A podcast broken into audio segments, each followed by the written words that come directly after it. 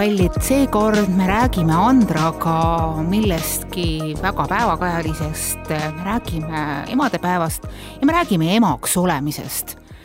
et see võib ju tunduda üsna niisugune tavaline, et noh, et, et kes on seda teekonda pidanud äh, nägema ja tänapäeval ka natukene võib-olla taluma siin kodukontor, kooli, lasteaia tingimustes, aga kõik, mis seal on äh, lahedad, kenad ja võib-olla mitte nii väga kenad, siis järgmise kolmveerand tunni jooksul võtame ilusasti läbi, niisiis Sandra, mis tunne on? olla ema. jaa me alustame väga ebaoriginaalselt, palun andke, andke meile see, selle eest andeks. no ma ütlen ausalt, et äh, ennem kui mul last ei olnud, siis äh, ma pigem olin see inimene, kellele lapsed ei meeldinud ja ma ise oma emale alati ütlesin, et ma võtan ennem koera, kui ma lapse saan. aga läks risti vastupidi, koera mul täna endiselt ei ole, sest on mul äh, kohe varsti üks äh, kolmeseks saav äh, marakratt. noh, need marakratid on aeg-ajalt ma ei taha öelda, et, et umbes äh, sama hullud kui ühed äh, kutsikad. mina olen see inimene, kes äh, vähemalt kusagil kümme aastat tagasi, kaksteist aastat tagasi, siis kui ilmus ajakirja Anne Stiil esimene number, sattus terve vabariigi viha alla sellega, et ma julgesin öelda, et lapsed on eluõied, aga ilmtingimata ei pea neid kasvatama, et kas ikka on vaja näppe mullaseks ajada.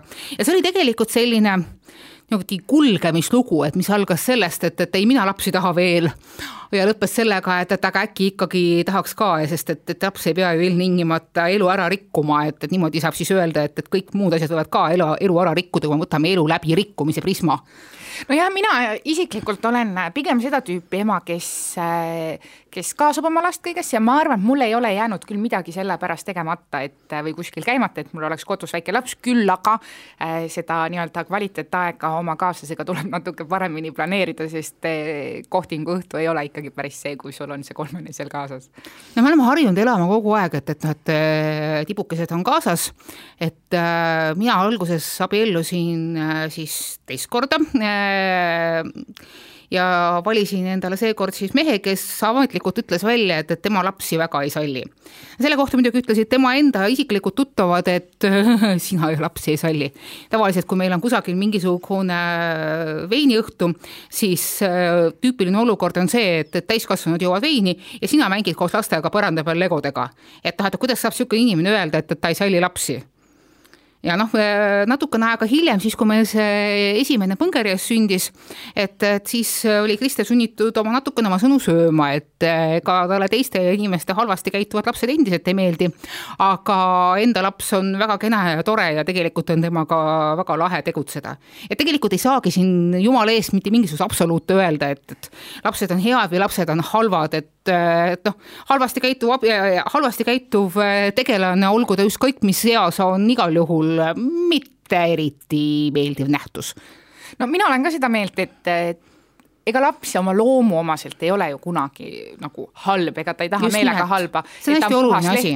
et ta on äh, puhas leht ja, ja tegelikult kõik, mida ta teeb, ta teeb enda mõistes heas usus ju. ta ei, kui ta ajab sul mingi piima või asja ümber, ega ta ei tee seda meelega, ta ei tule ja ei mõtle, et aa, ma nüüd teen pahandust. ja minu toonane mõte oli pigem selle Tiite mantra peale, et, et nüüd ilmtingimata pead sinna lapsi saama, sest et äh, kogu Eesti äh, kaasaegse äh, nii-öelda taasiseseisvumise aja meedias on kogu aeg, eriti naisteajakirjanduses läbi jooksnud üks ja sama jutupunkt, sina pead lapsi saama, sina pead palju lapsi saama ja siis, kui sina lapsi saad, siis sinu ülejäänud olek nagu kusagile lahtub ära ja siis sa oled ema ja sa oled sellega kogu oma mingisuguse eesmärgi saavutanud. et selle vastu ma võitlen ka endiselt, et noh, et, et ma võin olla ema, aga ma olen peale seda ka väga palju midagi muud. ja üks asi ei sega ega defineeri ümber teisi osasid minust. no mina arvan, et ega emaks olemine ei tee ühest naisest täisväärtuslikumat naist kui teisest, kellel ei ole lapsi ja, ja mina isiklikult, kuigi mu laps on mulle väga kallis ja ja ma väga armastan teda, siis ja ta kohati justkui on mu elu suurim saavutus, siis tegelikult minu isiklikud saavutused on ikka mingid muud saavutused. just nimelt, sest et me ei koosne ainult ühest maailmast, me koosneme mitte, mitmest maailmast. et äh, see maailm, kus ma olen ema, selle täht, selle nagu nii-öelda tähed ja keskpunktid on loomulikult minu need äh, kaks armast äh, ise loodud päikest, eks ju, üheksa-aastane Tristan ja nelja-aastane Robin.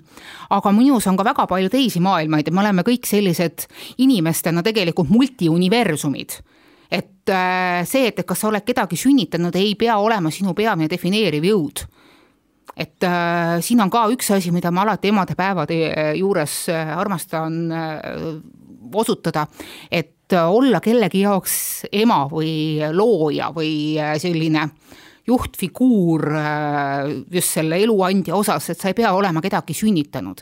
ja ma olen näinud ka väga palju selliseid ja kogenud ja saanud seda armu tunda äh, ka inimeste juures, naiste juures, kes ei ole kedagi sünnitanud, aga kes omavad oma elus olevate inimeste suhtes samasugust sellist äh, õnnistavat, viljastavat mõju.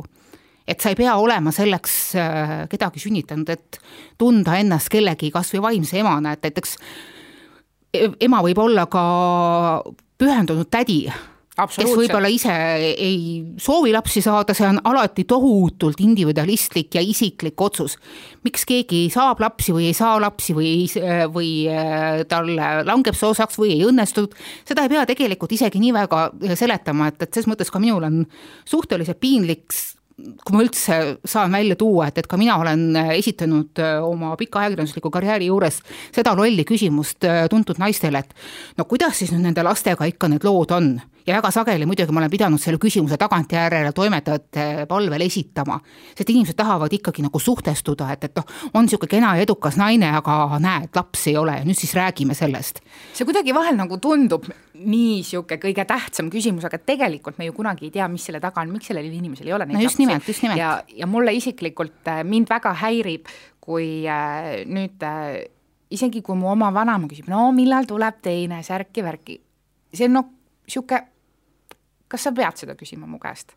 kas see on oluline, kas võib-olla ma olen väga kaua üritanud, võib-olla mul ei õnnestu, võib-olla inimene, kellelt sa seda küsid, kas või tutvusringkonnas, võib-olla ta ei saagi Mm -hmm. et see on, see, see võib olla lihtsalt nii... tema isiklik selline sõda, mida ta tahab hetkel pidada ilma suurema auditooriumita. absoluutselt. et noh, et, et ma mäletan, mul oli üks äh, intervjueeritav aastaid tagasi, kes niipea, kui me maha istusime, vaatas mulle oma suurte silmadega otsa ja ütles, et tead, Manona, räägime kohe ühe asja lahti ja see on see, mida ma intervjuusse ei taha panna.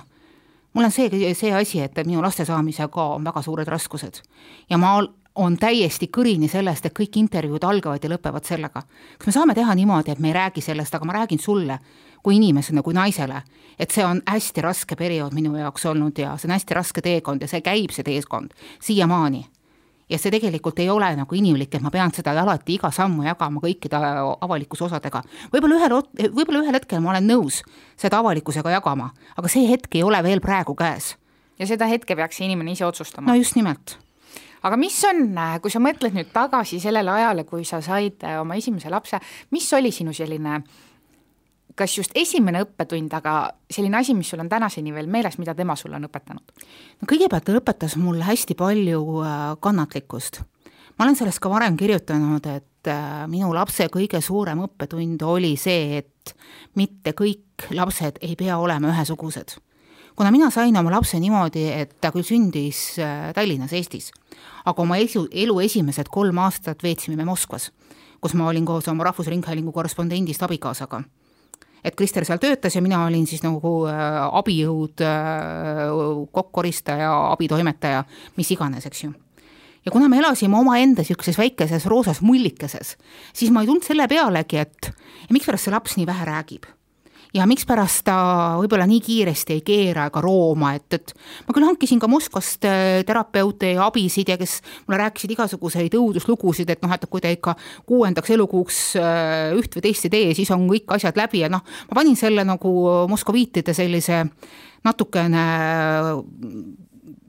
niisuguse nurgelise ja järsu suhtlemise arvele, et noh, et, et Moskva on niisugune järsk linn, et, et noh, et, et klient tuleb kohe maha murda ja talle kõige hullem äh, pilt silme ette panna. ja siis, kui me tagasi Eestisse tulime, laps oli kolmeaastane, ja ta endiselt ei rääkinud mitte ühtegi piuksu.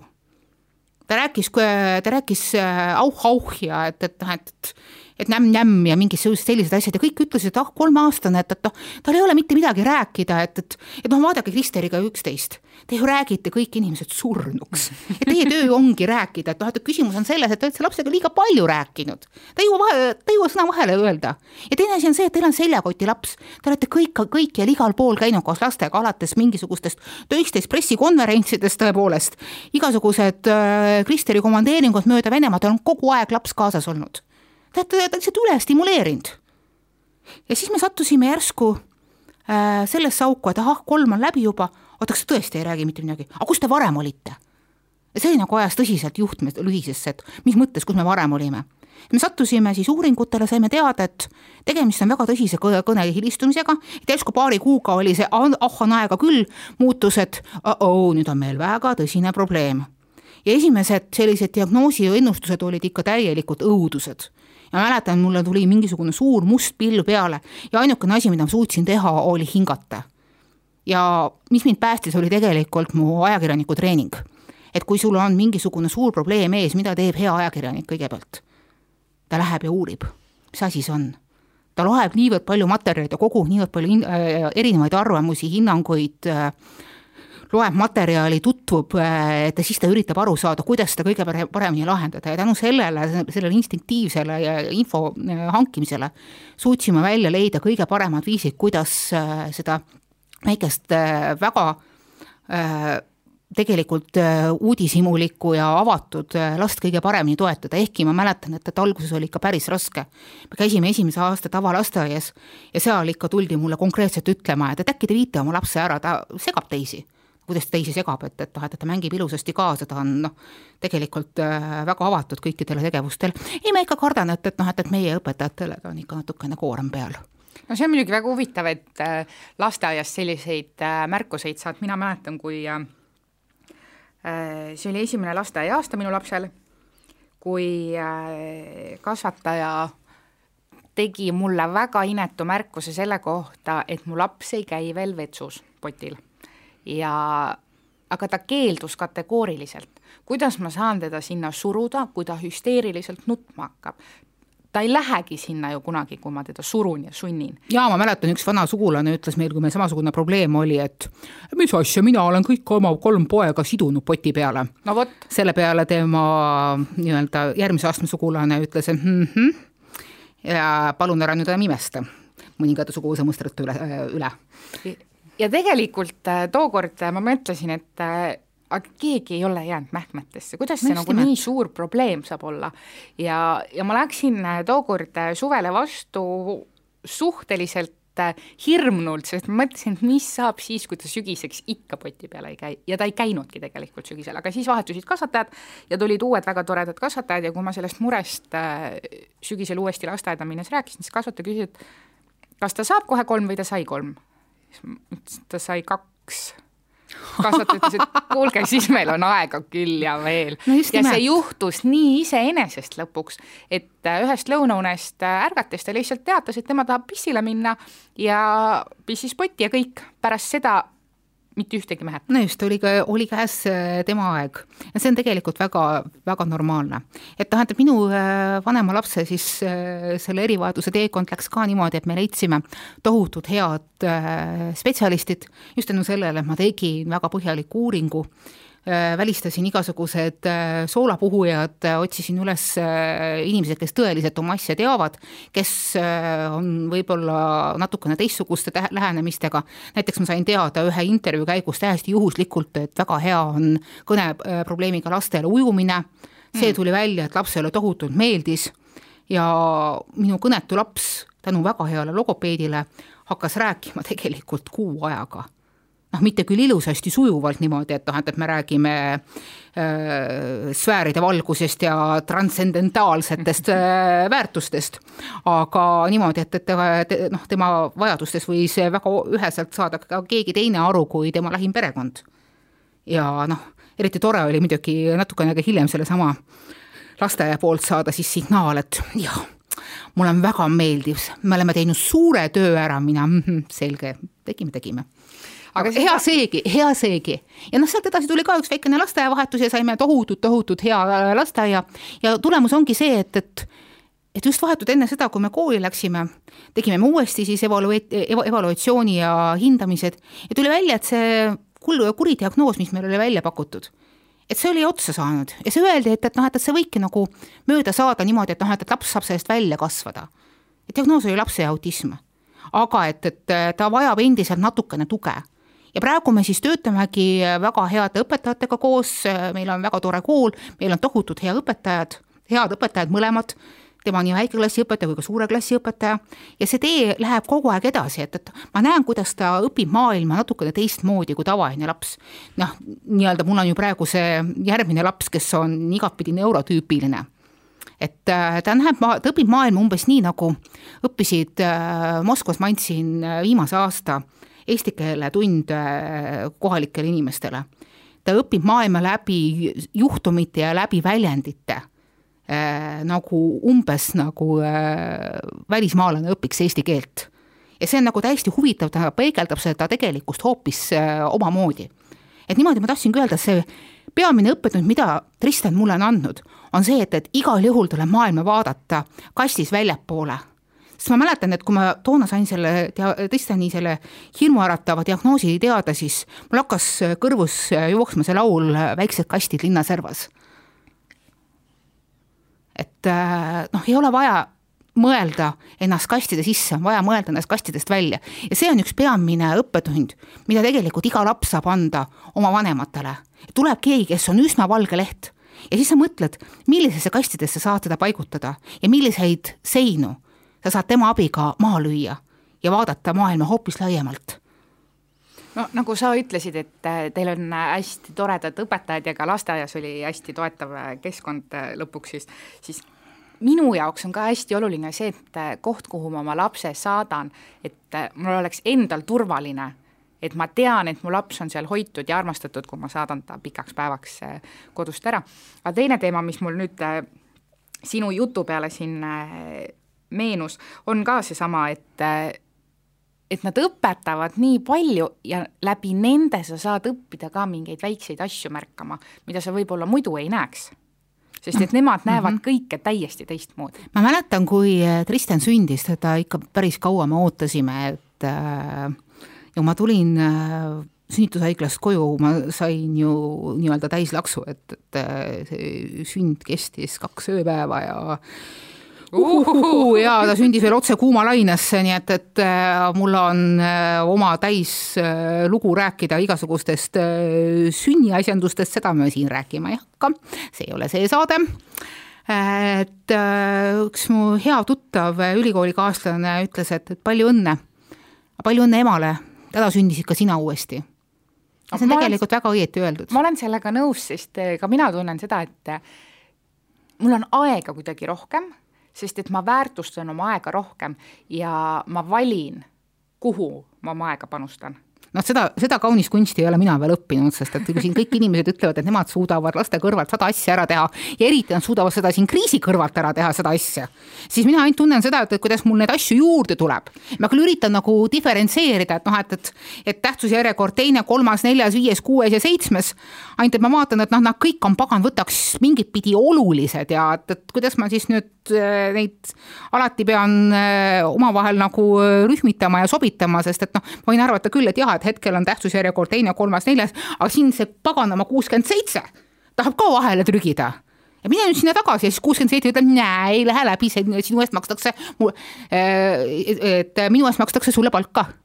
Nojah, aga noh, seda, et kriisi ajal osad siin äh, loevad äh, hordide viisi raamatuid ja küpsetavad iga päev, äh, ma ei tea, kaneelisaiu, banaanileibu, ma ei tea, mida iganes veel ja kaneelisai ja banaanileib on kõige lihtsamad asjad maailmas ja aga, aga selle okay, kõige okay, juures aru, veel remondivad kodu, eks ole, teevad lastega Montessorit ja ma ei tea, mida kõike veel. issand jumal, Montessori, mis lusikaga seal süüakse päris õudne. ja, ja veel äh, on pestud, kustud, kammitud, naiselikud ja kõik töö on ka tehtud, siis äh, sinna patta ka mina ei kuulu kahjuks või õnneks. ma ka, ma, ma tegelikult äh, paljastan siin väikese saladuse, ma arvan, tegelikult mitte keegi ei kuulu mitte pagana keegi. see on see, mida me eelmises saates rääkisime, et, et noh, et, et supernaisi pole olemas, superinimesi pole olemas, lubame endal natukene kusagil olevat äh, sellist ebatäpsust äh, ära olla. kusjuures ma lugesin ühte mingisugust äh,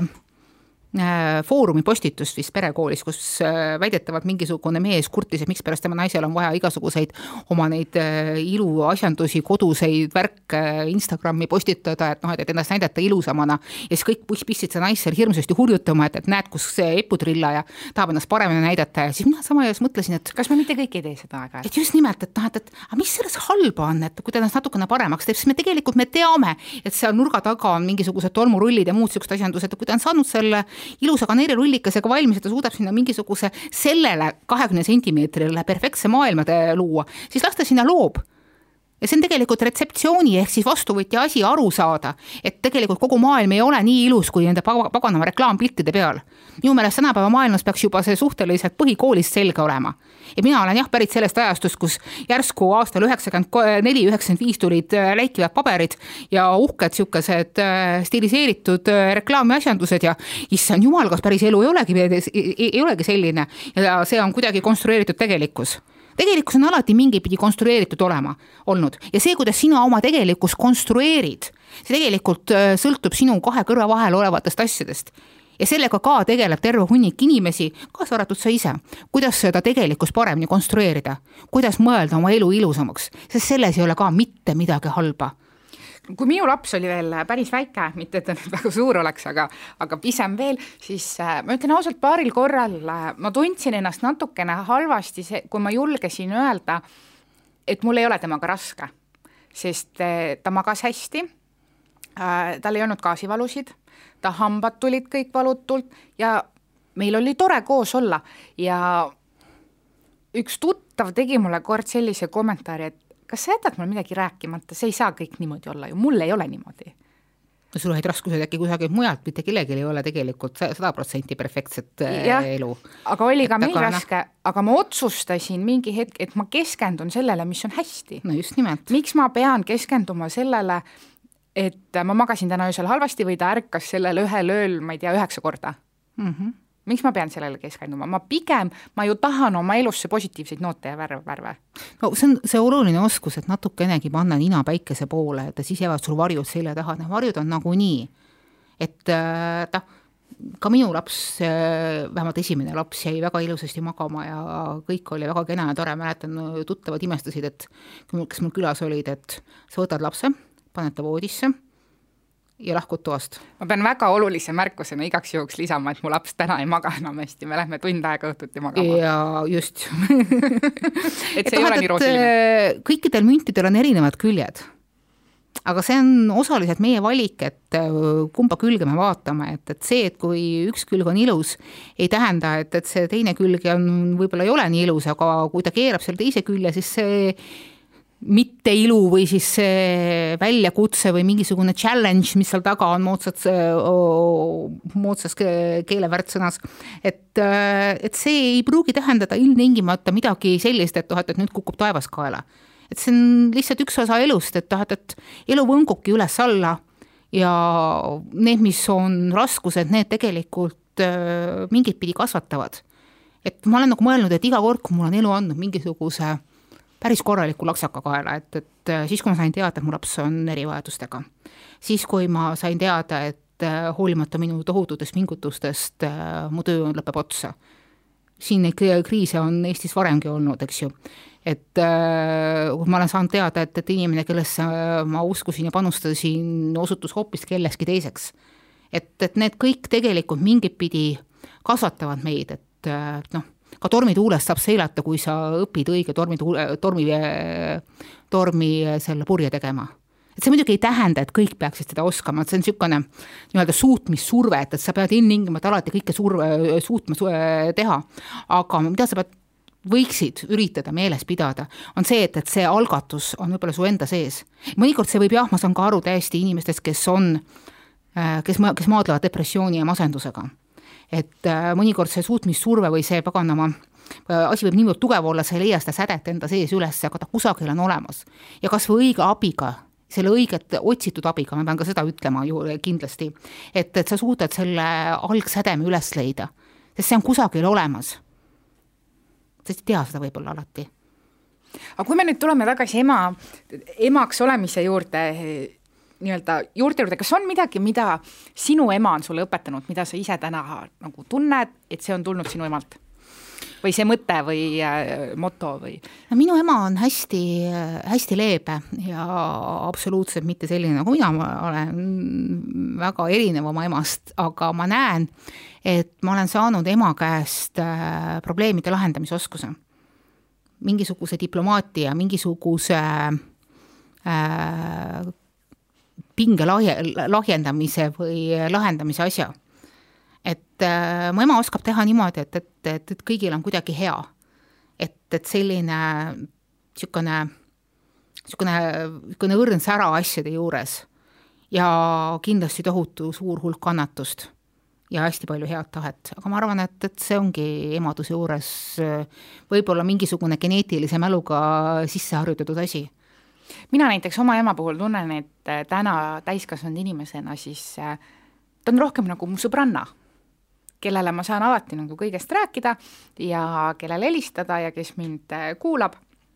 ja mul on selle üle nagu hästi hea meel, sest see on hästi hea kuulda. kui, kui ma olin teismeline, siis ma arvan, et ma ei olnud kõige lihtsam laps. no näidake ja... mulle palun lihtsat teismelist, palun, eks ju no ma ikka olin paras peavalu ja, ja see no,, kusjuures teevad... on samamoodi arengukaarde sisse äh, joonistatud, et kui sa ei olnud teismelisena peavalu, siis äh, noh, see on üks osa kasvamisprotsessid olema kusagil mingisuguse psühholoogi raamatut lugenud, et, et teismelised peavadki peavalu olema, see mäss tulebki tõsta. sest muidu sa ei saa iseseisvaks, muidu sa ei saa täiskasvanuks. no vot, ja täna nad äh, ütlevad äh, ikkagi, et äh, must on inimene saanud ja ma ei ole aia taha läinud, nagu esimestega juhtub, eks ole, aga, aga tõesti, aga emadest veel rääkides, siis ma mäletan, kui äh, mu laps sündima hakkas ja ma kirjutasin äh, oma emale veel kodus olles, et see on nii kohutav protsess, et ma suren ära. ja mu ema ütles, et kullake, kui ma saaks, ma võtaks selle valu omale ja see hetk ma mõtlesin, et mida kuradit, kes see tahab vabatahtlikult midagi sellist omale võtta. ja täna ma saan sellest aru. no vot, no vot no ma mäletan, kui mina hakkasin sünnitama minema ja siis äh, ema ütles, et issand, mina küll sinu kõrval ei suudaks olla, ütles, et ema, sa ei pea päriselt ka, ma saan ise hakkama. Aga mingi hetk oli küll niisugune tunne, et, et noh, et, et ma zombistun ära ja lähen mingisugusesse, ma ei tea, viiendasse dimensiooni, aga siis kuidagi sai ka hakkama ja nagu me lubasime, me ei lähe siin sünnitusjuttudeks kätte. no see ei ole jah, vist no just, kõige kaunim. aga noh, oluline on see, et, et sa suudad äh, nagu tunnetada seda seda niisugust, niisugust lahedat naisenergiat, mis tuleb läbi sinu, sinu juurte, et, et, et näiteks kui palju sa nagu äh, näed oma vanaema endas ja oma emas? Uh, no minu, esiteks minu kaks vanaema on hästi-hästi äh, erinevad ja mina olen pigem, ma ei teagi, kumma moodi. mu õde ja mu ema on rohkem või noh, mu ema ongi oma ema moodi rohkem, ta ei saa olla mu isa ema moodi mm, -hmm. aga mu õde on ka rohkem sinnapoole aga ma arvan, minus on neist mõlemat, sest et äh, ma isegi ei oska nagu tuua mingeid näiteid, miks, aga noh, üks vanaema on mulle, tegelikult neile mõlemale meeldib lugeda väga, aga ma tunnen, et mu isapoolne vanaema on väga süstinud minusse niisugust nagu raamatuarmastust ja, ja sellist äh, soojust ja, ja ma olen temaga hästi palju koos reisinud ja koos olnud ja ta on mind Äh, ma ei saa öelda kasvatanud rohkem, sest et ei ole mind kasvatanud, kasvatanud, aga mul on temaga koos olnud rohkem niisuguseid äh, mina ja tema hetki, sest ma olen temaga väga palju reisinud Euroopas äh, ja, ja nagu elanud läbi mingeid asju. ja minu ema ütleb praegu äh, minu laste kohta, et ta on neis, neile äärmiselt pühendunud, et et see on hoopis teine asi, on olla vanaema, kui on olla ema ja ma näen, kuidas ta tahab olla oma lastelastega, eriti seetõttu on praegune periood tema jaoks natukene keeruline. et, et see annab hoopis teistsuguse oleku ja ma lasen seal rahulikult olla, sellepärast et äh, ma näen, et, et see suhe on mõlemale vanaemale ehk siis ka Kristeri emale äärmiselt oluline ja et äh, noh, ma olen siin ka oma töös näinud igasuguseid suhtemustreid ja ma olen nagu hästi õnnelik, et, et, meie perekonna suhtemustris on need vanaemad hästi olulistel kohtadel endiselt. et nii minu kui ka mu abikaasa eludes olid vanaemad hästi, hästi tähtsad ja see niisugune natukene teise nurga alt noh, kas siis lohutuse, kinnituse ja elujulguse edasiandmine on tegelikult hästi, hästi lahe aga mina näiteks noh, kui nüüd vanaemade juurest tulla emade juurde, siis äh, minul oma emaga noh, on selline suhe, et äh, ma helistan talle põhimõtteliselt iga päev. Minu ema ei ole suur helistaja, et äh, oma kooliajast ma mäletan või noh ka ülikooli ajast mingid jaanipäevad kellegi kuskil suvilas, eks ole, või aastavahetused, teistele vanemad helistasid, minu ema ei helistanud, ma ütlesin, ah, mis ma segan teda aga mina, mina olen sinu ema moodi muuseas. Mina ka ei helista, palun vabandust, ema. et äh, ma helistan ma emadepäeval kindlasti helistan, ma luban. Aga no, tead, ma alati mõtlen. Aga mina oma emale helistan. Ja juba kooli ajal ma olin äh, selline, ma helistasin emale, kui ma jõudsin koolist koju iga päev. Ja, ja see on nii tugev harjumus minu jaoks, et äh, mul ka kodust välja kolides, mul oli väga keeruline talle mitte helistada, et ma olen nüüd töölt või ülikoolist koju jõudnud, sest see kuidagi oli nii loomulik päevaosa. mingi etapp lõppes, ma jõudsin koju, ma helistasin emale, ma rääkisin, mis ma olin teinud ja nii edasi, noh, täna on meil see nali, et kui ma ei ole talle nädal aega helistanud, siis ta helistab mulle ise, et äh, kas kõik on ikka korras, mul hakkas imelik. ja meil on kuu aega niimoodi. ma ei saa sinna midagi parata, meil ei ole mingisugust äh, helistamiskommet sisse juurdunud, et noh, et ma olen ka pärit sellest ajastust, kus telefon oli ikka väga tõsine asi ja telefon oli äh, ikka mitu kilomeetrit eemal äh, jaamaputkas, eks ju. et sinna ikka niisama ei mindud no aga minu jaoks siis... on mu ema nagu Google, et äh, mul on mingi mure, ma helistan, ema, Hugol on sellised täpid, mis see võib olla?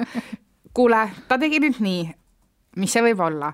kuule, tal äh, vist on palavik natuke, millal ma peaks rohtu hakkama andma noh, mina olen pigem see tõhk, tõhktütar, kes ütleb, et kuule, mul on noh, enne seda kriisi pigem, eks ju, et kuule, mul tuleb siin õudselt raske päev, raske nädala lõpp, et, et kas sa saad palun lapsed võtta, mille peale ema muidugi ütleb ja, ja loomulikult, et, et, et, et mulle tegelikult äh, isegi mõtlesin, et äkki küsiks.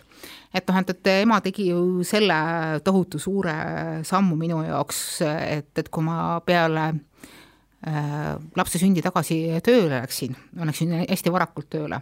Ja Kristeril sai äh, vanemapuhkus otsa, siis äh, ema võttis iseennast töölt vabaks ja oli üle aasta Robiniga kodus. Ja niimoodi kodus, et ta sõitis iga päev Saualt Tallinna kesklinna oma lapselapse juurde.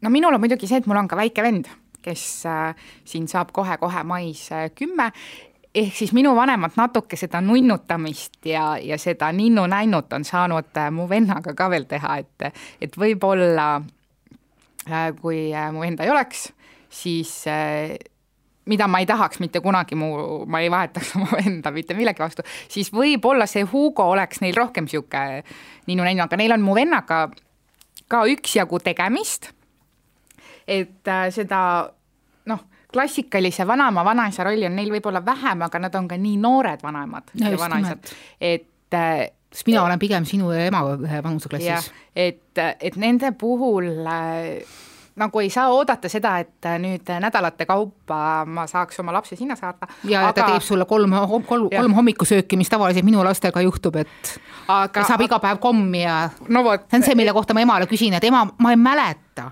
et äh, mina oleksin saanud iga päev kommi ja kolme hommikusööki selle peale vaatab ema mulle kaebliku näoga otsa ja ütleb, et sa ise vanaemaks, siis sa saad aru no,, mis üks... paganama argument see on. mu ema ka üks päev ütles, et äh, kui ma ütlesin, et ei tohi lapsele kommi anda.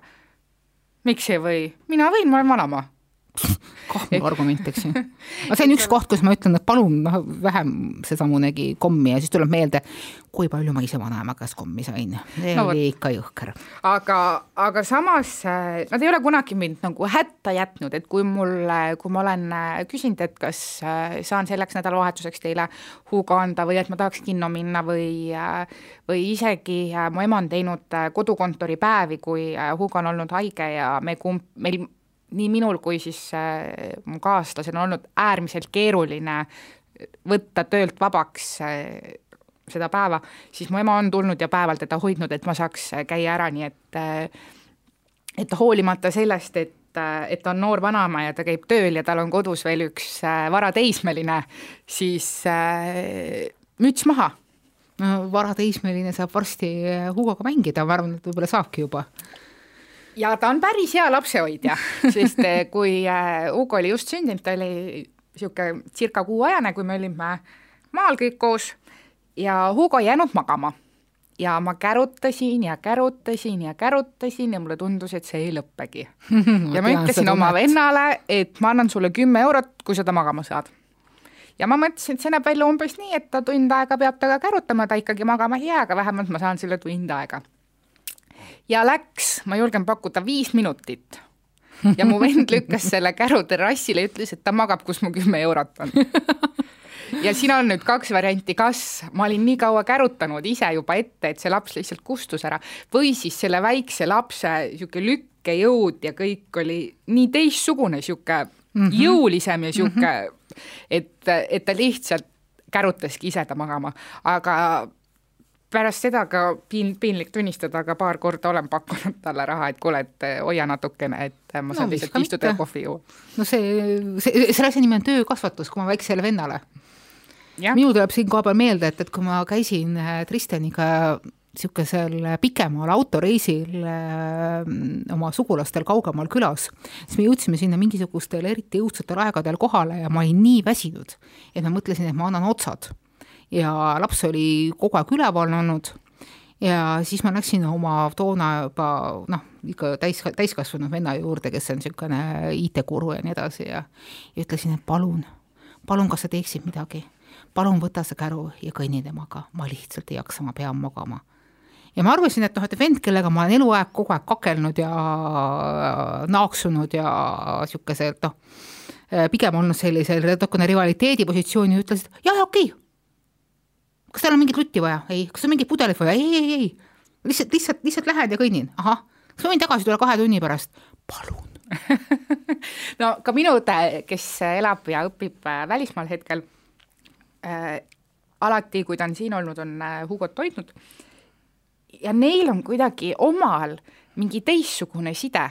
esiteks mm -hmm. võib-olla sellepärast, et äh, ta näeb mu õde vähem ja ta on äkki autoriteer, see autorit-, ta on võib-olla mingisugune niisugune huvitav jaoks. tegelane, näiteks ma ka mäletan, et, et teatud, teatud onud, näiteks minul olid alati niisugused väga, väga niisugused lahedad tüübid, et, et ma endis, ma nagu mäletan lapsepõlvest, et, et kui äh, sügaval lõukaajal, eks ju, onu Aare tuli öösel äh, armeest tagasi, kuidas kõik tema ümber läksid nagu liblikaparv ja siis onu Aare võttis hoopis minu sülle, sest et ah, mina olin kõige nunnum ja pisem, eks ju, et, et ah, et ta oli vahepeal saanud onuks ja kõik oli ikka väga kena ja tore, et, et noh, et, et onu Aare oli väga tükk aega minu lemmikonu, et, et noh, praegu ma näen ka, et, et, et kui äh, Tristani ja Robini tädi Kadri tuleb äh, kaugelt maalt ka, elab kaugel maal, siis äh, on teada, et et sel päeval on tädi Kadri päev ja nüüd saab midagi väga lahedat. sest tädi Kadri käib hoopis teistes kohtades kui M-Ace. tädi Kadri lubab hoopis teisi asju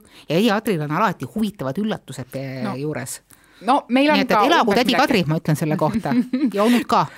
no meil on äh, umbes midagi sellist, aga, aga teine asi on see, et laps kuidagi kuulab ta sõna ja ta on nagu kõigega nõus ja lähme teeme, paneme riidesse, lähme õue. ta on seal poole peal, et, et ta ei ole nagu päris autoriteet, aga ta pole ka päris semu mm. -hmm. et temaga saab nagu rohkem nagu suhtestuda ja nagu natukene oleks nagu rohkem äh, õigusi, aga tegelikult noh äh,, nagu ei ole ka et see on niisugune noh, niisugune lahedam asi, et niisugused kihvtid onud-vennad on, sellised kihvtid onud-tädid on alati niisugused äh, lahedad tegelased. ei, absoluutselt.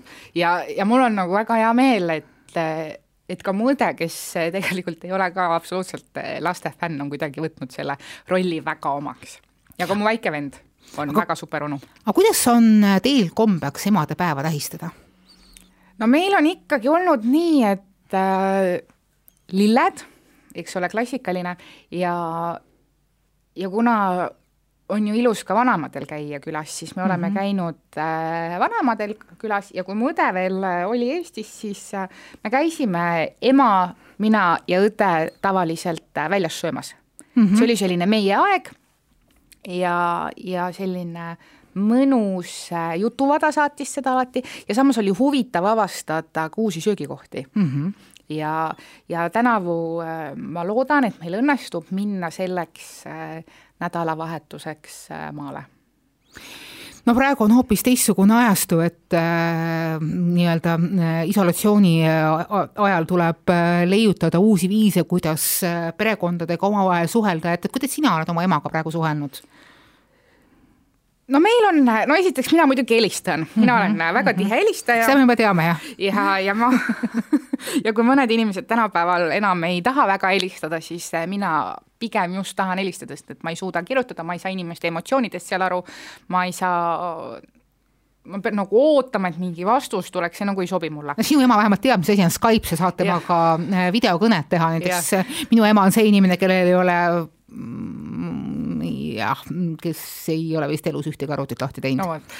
aga, aga teine asi on see, et nad muidugi äh, põgenevad esimesel võimalusel alati juba nädala sees maale aga neil on äh, hooviga maja ja ma olen äh, aeg-ajalt oma emale helistanud, et äh, mis te teete, et läheks jalutama Mm -hmm. et saab nii minu laps oma tõukerattaga sõita või joosta ja mu vend kodust õppetükkide ja ekraani tagant välja ja ka temal on keegi, kellega rääkida ja tegelikult värskes õhus jalutades, ega me ei jaluta käest kinni hoides külg külje kõrval. et see ongi selline mõnus kulgemine ja ja ma arvan, et me teeme seda täna rohkem, kui me tegime seda kunagi varem. see on tegelikult hästi tore, et, et äh, nii paljud inimesed on öelnud, et tänu sellele kriisile on hakanud nad märksa rohkem väljas jalutama ja liikuma ja tänu sellele, et, et, et sa saad äh, väljas äh, vajalikku distantsi hoides oma lähedastega kokku ja sa saad nendega koos kõndida, et see tegelikult toob kaks äh, boonust, et üks on vaimne lähedus ja teine on see, et, et lihtsalt liigutad rohkem. Jah, et ma ei olegi teinud seda mitte oma nagu sõbrannadega, vaid just oma emaga, sest et äh, ma ei tea, ikkagi kõige lõpuks äh, pere on see, mis jääb ju. jah, sest et see on see, mis antakse sulle kaasa ja see on see nii-öelda nii õnnistus kui ka taak, millega sa pead õppima elama ja milliseid mustreid sa pead õppima kas kordama või ilusamaks ja üle tikkima. aga enne, kui me veel lõpetame, ma küsin sinu käest sama küsimuse kuidas teie emadepäeva tähistate? meie emadepäeval ei ole tegelikult erilisi traditsioone, et, et eelmine aasta sain ma lillede asemel ploomipuu ma loodan, et, et see nüüd ju. ellu on ja ellu on jäänud talvega, et, et me arvatavasti lähme emadepäeva paiku vaatama, et, et, et kuidas ta ka nüüd äh, ennast tunneb seal kaugel metsade vahel. aga peamine asi ongi see, et, et, et tunnetada, et äh, et kellele sa oled tänu võlgu või äh, kellele sa saad aitäh öelda, et, et mina saan öelda aitäh väga vingetele naistele oma elus. ma olen absoluutselt tänulik oma emale selle kannatuse, pika meele ja rahu eest, mis ta on mulle andnud. pluss ka, pluss ka ilumeele eest, minu ema on see daam, kes just nii-öelda hilisemas elutsüklis muutus kohe eriti vingeks tšikiks see, kuidas ta suudab huvitavaid riideid ja asju kokku panna, on lihtsalt vaimustav. sest tema pära-, sest tema on ju see inimene, kes ei kannata riietuses mitte ühtegi musta tooni uh. ja ei, ta näeb tõsiselt super armastan. välja, ei, aga saad aru, ta näeb selle juures nii super välja, et, et noh, et, et et kui ta linna vahel liigub, siis ikka inimesed vaatavad talle väga pikalt tagasi, et, et tal on mingi sisse antud suurepärane jumalik stiilitaju, kuidas värve ja mustreid kokku panna. tõsiselt, pane kohe moepüünele. fantastiline, ma loodan, et ma olen natukenegi seda saanud ehkki kui ma nüüd mäletan, kuidas ma pubekana äh, läksin peole ja ema mulle väga-väga valuliku pilguga järgi vaatas, siis küsimus ei olnud mitte sellest, et ma lähen peole, vaid see, mis kurat mul jälle seljas oli. no seda on vist kõik läbi elanud, ka minu isa mulle öelnud, kuule, see seal ei ole seelik, see on peapael ei, ei, meil on pigem see, et, et need mustrid ei käi kokku, see värv ei lähe sellega kokku. vaata see siluett, ah okei okay noh, sest et, et on vigu, mida sa pead ise selgeks tegema ja sa pead ka aru saama, et tõesti, seelik ei ole peapael ja ei pea sina seal juures olema ja sinna juurde ei pea panema sellist toppi, mis tegelikult ei varri absoluutselt mitte kui midagi. Ja okei okay,, selle teemaga nüüd nii, aga emadepäeva tähistamisest. Eks ta on ikka niisugune rabarberikook, see on klassika omaenda aiast et äh, eks ma lähen ka sinna juba jahile, et, et ma vaatasin, et äh, mulle, mulle raporteeriti, et rabarberid on juba kümne sentimeetri pikkused, nii et, et esimese koogi saab ära teha ja need on just need kõige magusamad ja lahedamad ja mõnusamad rabarberid. ma otsin ka üles emadepäevaks juba ka need meie kõige lahedamad toidutore rabarberi retseptid, et rabarber on niisugune kaasaja mitte kaasaja, vaid Eesti niisugune omaenda sidrun, et, et sellega saab niisugust kevadist särtsu tuua ja, ja siis lihtsalt hästi palju häid mõtteid ma arvan, see võib-olla sobibki siia lõpetuseks, et oluline on äh, see emotsioon selles päevas. kõige olulisem ja kõige, kõige tähtsam on armastus